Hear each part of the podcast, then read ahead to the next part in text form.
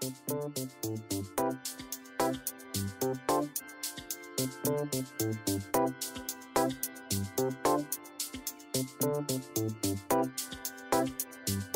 jantung yang memompa tanpa berhenti ini kurang lebih dalam sehari dia memompa sekitar 2000 galon darah dan dia mencapai 60.000 mil pembuluh darah orang dewasa kurang lebih seperti itu.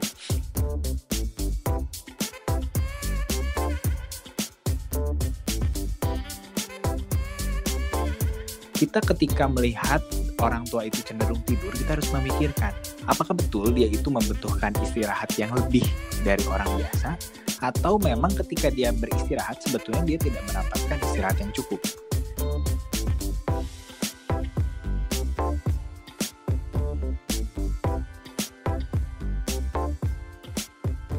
Halo pendengar, selamat datang di podcast Dokter Pribadi. Tetap bersama saya Haryadi Wijaya dan Dokter Hari Pribadi. Halo dok. Halo, ketemu lagi kita di sini. Oke nih, nah hari ini kita mau bahas apa nih dok? Hari ini enaknya kita bahas tentang jantung sehat di usia senja. Wah, topik yang menarik nih. Soalnya jantung ini kan organ yang paling sering diperhatiin sama maaf maaf ya orang tua. Nah, sebenarnya kenapa nih dok organ jantung ini perlu diperhatikan di usia senja nih? Yang pertama itu karena sebetulnya nggak cuma jantung sih. Semua organ kita di usia senja itu dia akan mengalami yang namanya penurunan fungsi. Jadi istilahnya kalau ini mobil mulai turun mesin. Nah, sebagai bayangan, untuk ginjal itu dia ketika kita mengukur fungsi ginjal itu namanya GFR atau glomerular filtration rate atau gimana cara ginjal sebagai filter tubuh dia bisa memfiltrasi racun-racun dalam tubuh. Nah, kalau usia muda itu kurang lebih dia filtration rate-nya 120 ml. Jadi sebagai bayangan, ginjal itu yang tadinya harusnya kadang 100% di dalam tubuh kita ketika kita usia muda di bawah 30 tahun, di atas 60 tahun dia akan menurun sampai kurang lebih 70%. Sama halnya dengan jantung. Nah, jantung ini dia kalau secara fungsi dia pompa tubuh kita dan dia tidak berhenti sepanjang tubuh kita ini hidup. Dia akan mengalami penurunan fungsinya dari penurunan fungsi pompa. Jadi yang istilahnya dia harusnya memompa dengan bagus, lama kelamaan pompanya ini agak kurang. Nah, itu yang bisa terjadi di dalam tubuh kita. Oh, gitu ya, Dok. Nah, sebenarnya kalau gitu di nanti usia-usia senja ini atau untuk orang-orang yang untuk usia senja ini bakal muncul penyakit-penyakit gitu buat jantung gitu? Ya, jadi jantung itu ketika dia usia tua, dia biasanya ada yang namanya hmm, perubahan dari irama jantung. Yang pertama, jantung itu kan harusnya iramanya tuh reguler atau dia berdetak sesuai dengan irama. Nah, ketika dia sudah tua, itu bisa saja yang namanya pengatur dari irama yang kita sebut ada namanya sinus node atau uh, kaptennya yang memerintahkan jantung itu untuk menghasilkan listrik, yaitu lama kelamaan bisa jadi terlalu lambat atau dia mendadak terlalu cepat padahal tidak ada aktivitas di dalam tubuh kita yang merangsang jantung agar lebih cepat. Yang kita sebut jatuhnya ke sinus syndrome itu. Kemudian dari pembuluh-pembuluh darah jantung semakin kita tua kolesterol itu akan menumpuk terutama yang kita sebut biasa kolesterol jahat di dalam pembuluh darah pembuluh darah jantung. Akhirnya otot-otot jantung yang harusnya menerima suplai darah dia banyak yang kekurangan suplai darah, akhirnya banyak yang mati. Nah, akibat terakhirnya pompa jantungnya turun. Kemudian bisa juga ketika kita semakin usia senja, sel-sel yang di dalam tubuh kita, sel darah itu yang biasanya mengalir di pembuluh darah yang terbuka dengan baik, ini karena semakin tua pembuluh darah kita itu akan semakin mengeras dan semakin sempit, akhirnya terjadi tekanan darah tinggi, akan mengakibatkan jantung itu harus memompa darah dengan lebih berat ke seluruh tubuh. Akhirnya pompa jantung lama-kelamaan akan haus atau kecapean. Akhirnya jantung ototnya itu cenderung akan menebal, tapi dia fungsi pompanya akan berkurang. Oke, ada memang ada perubahan karena sering usia itu tadi ya dok ya. Dari mm -hmm. perubahan irama, pembuluh darah tersumbat, pompanya juga lebih susah. Nah, sebenarnya nih, jantung itu kan nggak bakal pernah berhenti. Yang setahu saya nih, mm -hmm. jantung itu nggak akan pernah berhenti beristirahat sampai kita nanti meninggal. Ya. Nah, sebenarnya jantung sendiri itu punya usia nggak sih dok? Maksudnya maksimalnya dia sampai berapa? berapa? Nah, uh, jantung seseorang itu itu biasanya berbeda antara usia biologis dan usia kronologis kita sebutnya. Nah, sebagai gambaran, misalnya orang itu usia 30 tahun. Tetapi kalau gaya hidup dia itu tidak baik, kemudian dia punya penyakit-penyakit yang berhubungan dengan fungsi jantung yang sehingga memperberat kerja jantung, itu bisa saja jantungnya usianya 60 jadi akibatnya jantungnya lebih senja usianya dibanding orang ini yang belum berusia senja. Begitu. Sebenarnya ada beberapa uh, fakta-fakta dari jantung. Ada sedikit info nih uh, se untuk jantung sendiri. Jantung itu organ yang luar biasa yang diciptakan oleh Tuhan. Yang pertama itu jantung itu ukurannya untuk sebuah pompa dia itu sangat kecil dia hanya berbentuk satu kepalan tangan kita kurang lebih jantung pria itu cuma 10 ons sedangkan jantung wanita itu kurang lebih sekitar 8 ons itu untuk sebuah pompa yang dia akan bekerja sepanjang kita hidup itu ukurannya sangat kecil sekali sedangkan fungsinya itu sangat luar biasa. Jantung itu memompa di dalam tubuh kita ini kurang lebih ada sekitar 5 sampai 6 liter darah di dalam tubuh sendiri dan dia itu akan melewati jantung dalam jangka waktu satu menit. Jadi kurang lebih suatu sel darah merah dia muter dari jantung kembali lagi ke jantung itu dalam jangka waktu kurang lebih hanya 20 detik. Jadi luar biasa sekali. Dan jantung yang memompa tanpa berhenti ini kurang lebih dalam sehari dia memompa sekitar 2000 galon darah dan dia mencapai 60.000 mil pembuluh darah orang dewasa, kurang lebih seperti itu. Dan kalau diperhitungkan selama kita hidup ini dengan usia rata 60 sampai 65 tahun, itu dia itu jantung kurang lebih sudah memompa sekitar 200 uh, tangki Pertamina tuh. Kurang lebih seperti itu gambarannya. Wow, sebuah organ yang luar biasa ya dok ya, mm -hmm. buat organ sekecil itu tuh. Iya. Oke, nah kalau balik lagi nih soal tadi usia biologis dan usia kronologis. Berarti sebenarnya ada dong cara supaya istilahnya supaya jantung kita selalu awet muda nih. Hmm. Nah, gimana tuh caranya dok supaya jantung kita selalu bisa awet muda tuh dok? Walaupun kita di usia mendekati usia senja nih, berarti kan bisa kita ngelakuin itu. Mm -mm.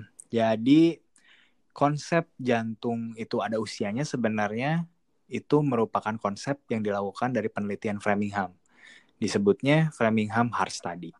Jadi, para peneliti di kota Framingham itu mengumpulkan kurang lebih 5.000 orang usia kurang lebih 30 tahunan pada tahun 1948. Ini merupakan suatu studi yang sangat terkenal. Studi yang mengikuti orang usia 30 tahun itu sampai hingga kini masih berjalan Framingham Heart Study ini. Dan mereka menilai uh, kondisi jantung dan resiko kardiovaskular atau resiko uh, penyakit jantung pembuluh darah di kelompok usia dari 30 itu mereka ikutin tuh sampai sekarang. Dan ternyata mereka bisa menemukan suatu kurva yang bisa menilai bagaimana kondisi jantung. Nanti kalau misalnya mau dilakukan studi uh, research sendiri di rumah juga bisa itu. Ketik aja di Google Framingham Heart Study.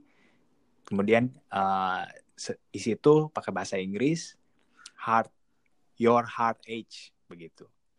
Jadi yeah. kalau mau ngecek usia jantung kita itu bisa diketik di Framingham Heart Study di Google kemudian cek your heart age. Nah di situ ada kalkulasinya sebetulnya yang paling berpengaruh pada usia jantung kita adalah uh, hipertensi atau tekanan darah tinggi kemudian diabetes kemudian merokok, dan berat tubuh. Itu empat itu faktor yang menjadi penentu di studi Framingham ini untuk memperkirakan jantung kita masih sesuai tidak dengan usia kronologis kita. Oke. Mungkin berarti... kalau Anda penasaran nanti sesudah mendengar podcast ini bisa langsung dicek di Google. Bisa juga nih dok. Saya juga habis ini ngecek pasti habis ini. Nah, kalau kita ngomongin tadi empat faktor tadi ke tekanan darah, terus kadar gula darah, merokok atau tidak, kemudian berat tubuh. Kalau kita ngomong orang di usia senja ini kan di luar merokok ya dok ya, di luar merokok. Ini kan hal-hal yang sering kita temui nih. Tinggi tekanan darah, tinggi gula, sama biasanya akhirnya berat badannya juga tinggi. Nah, kira-kira kalau kita ngomong orang di usia senja ini kan, kalau kita di usia muda kayak kita 30-an gitu olahraga kita bisa mungkin hampir melakukan semua olahraga kita bisa untuk menjaga. Nah sebenarnya kalau buat yang udah usia senja nih, usaha-usaha apa nih yang berhubungan dengan menjaga kadar tekanan darah, kadar gula, dan berat tubuh ini yang sesuai dengan orang tua sih dok? Mm-hmm. Yang juga tidak membebani jantung juga nih akhirnya nih. Oke, jadi untuk orang tua sebetulnya ketika usia kita masih produktif sebelum tua, kita harus melakukan rutinitas olahraga. Itu olahraga yang baik, itu kurang lebih berlangsung 30 menit 5 kali seminggu. Dan olahraga ini yang paling disarankan itu adalah olahraga kardio, yaitu biasanya jalan kaki saja tanpa henti 30 kali eh 30 menit 5 kali seminggu. Tetapi ketika sudah dewasa di atas 60 atau kita sebut usia senior, itu sebetulnya organ-organ tubuh kita yang lain pun sudah cenderung renta. Jadi uh, olahraga yang baik itu kita sebut olahraga yang low impact. Kalau orang tersebut bisa berolahraga yang paling low impact itu adalah berenang. Kalau bisa berenang itu paling baik karena dia tidak uh, mendestruksi sendi atau tulang-tulang uh, organ penopang tubuh kita. Tetapi kalau misalnya itu pun tidak bisa dilakukan untuk orang tua, biasanya kita hanya menyarankan dia untuk tetap stay aktif atau tetap dia aktif. Jadi jangan sampai tuh kalau udah punya kakek atau nenek, udah kek atau nek diem aja sepanjang hari di bangku nonton TV itu malah cenderung membunuh dia perlahan. Tetapi dia itu akan lebih baik ketika dia tetap aktif. Dia bisa masak, dia bisa keliling-keliling rumah, dia bisa bekerja, istilahnya dia tetap melakukan aktivitas-aktivitas rutinitas sehari-hari. Jangan membatasi itu. Yang kedua, untuk pola makan yang tadi kita usahakan cenderung tidak masuk ke dalam tahap diabetes. Tetapi kalau sudah diabetes, kita kontrol dengan obat agar kadar gula darahnya terkontrol. Nah, untuk yang tidak diabetes, itu kita tetap memawas dia supaya menjaga agar dia tidak mengkonsumsi makanan-makanan yang terlalu tinggi kadar gulanya. Kemudian tadi untuk indeks massa tubuh atau berat badan. Nah, biasanya yang membuat tubuh kita ini cenderung jadi gemuk dan obesitas sehingga indeks massa tubuhnya itu meningkat, itu biasanya makanan yang berlemak tinggi. Karena makanan yang berlemak tinggi itu memiliki kalori yang sangat tinggi sehingga cenderung membuat uh, lemak di bawah kulit atau kita sebut lemak subkutis dan biasanya yang begitu selain makanan yang karbohidrat tinggi lemak tinggi nah jadi mengkonsumsilah makanan-makanan yang cenderung dia kadar lemaknya tidak terlalu tinggi membatasi lemak-lemak yang jenuh juga untuk uh, mengurangi resiko untuk penyakit jantung kemudian kalau untuk kebiasaan yang lain yang dapat mengurangi kecenderungan supaya jantung itu tidak berusia tua adalah merokok tadi. Begitu. Oke. Mungkin ini pertanyaan terakhir dok. Kalau untuk orang yang usianya sudah senja, sudah senior, untuk bisa ngecek kesehatan jantung, jantungnya ini sehat apa enggak, baik apa enggak, itu pengecekan apa yang perlu dilakukan? Yang pertama uh, hal simpel adalah kunjungi dokter jantung Anda. Oke, yang pertama adalah untuk kelompok usia yang sudah senja, selalu dilakukan namanya screening untuk resiko kardiovaskuler. Jadi kunjungilah dokter jantung Anda. Apalagi bila di antara keluarga Anda ada yang beresiko terkena penyakit jantung. Kemudian yang kedua, EKG itu adalah pemeriksaan elektrokardiogram atau pemeriksaan yang paling simpel dan kontrol tekanan darah. Bila sudah itu didapatkan kelainan atau dokter Anda menyarankan untuk pemeriksaan lebih lanjut, bisa dilakukan fungsi uh, pompa jantungnya kita lihat lewat echokardiografi atau treadmill test begitu. Untuk tahap berikutnya bila dideteksi adanya ke arah koroner bisa dilakukan pemeriksaan namanya CT coronary angiography dan yang lain-lain. Tetapi hal simpel adalah tetap melakukan pengawasan terhadap tekanan darah kita dan kolesterol dan berat tubuh. Simpel ya sebenarnya dok yang harus kita lakuin ya.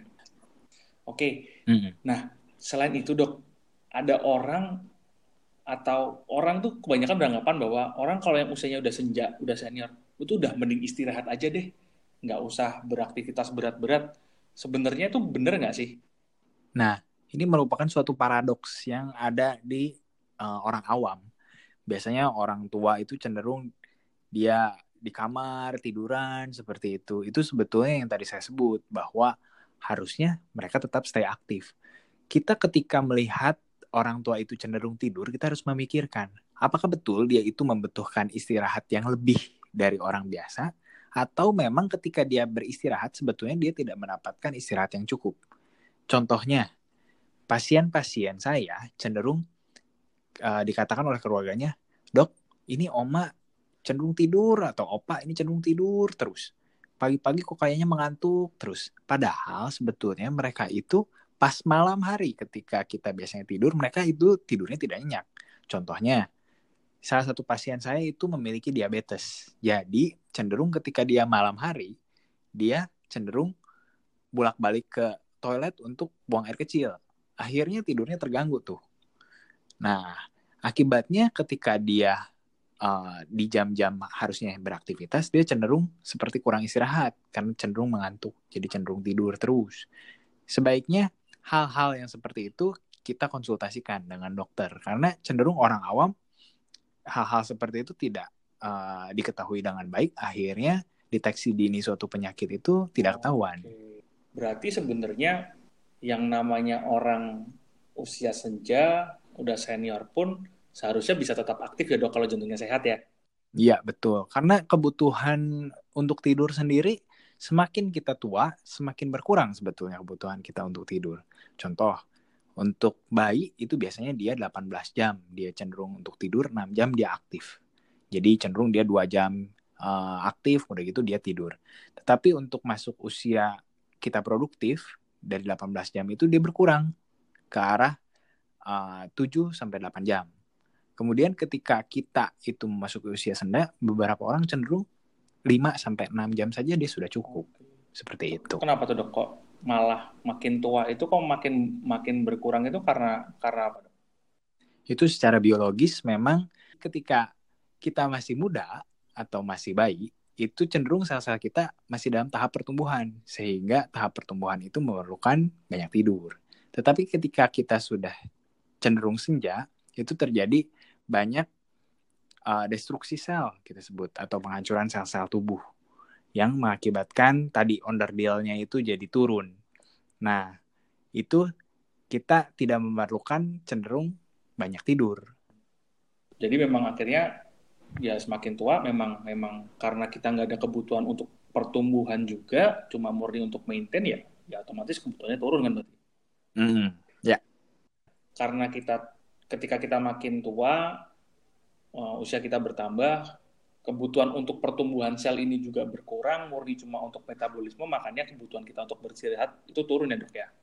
Oke. Iya nah, seperti itu. ini kalau boleh saya rangkum nih berarti sebenarnya pertumbuhan usia semakin kita tua memang pasti fungsi organ itu kan menurun ya dok ya? Dan ternyata mm -hmm. saya juga baru tahu nih kalau buat menyayangi jantung ini sebenarnya di usia senja itu malah kita harus tetap beraktivitas berarti kalau gitu. Stay aktif. Ya, yeah, stay aktif. Berarti karena jantung ini nggak pernah istirahat sampai akhir hayatnya kita, mau sampai kita usia senja pun kita berarti tetap harus sayang sama jantung kita ya dok ya. Iya, sayangilah jantung Anda sebelum terlambat. Terima kasih dokter Hari buat waktunya, buat sharingnya soal jantung. Kira-kira gitu. Sampai ketemu lagi dokter Hari di episode selanjutnya dengan pendengar kita. Thank you. Ya, nanti kita ngobrolin yang lain lagi ya.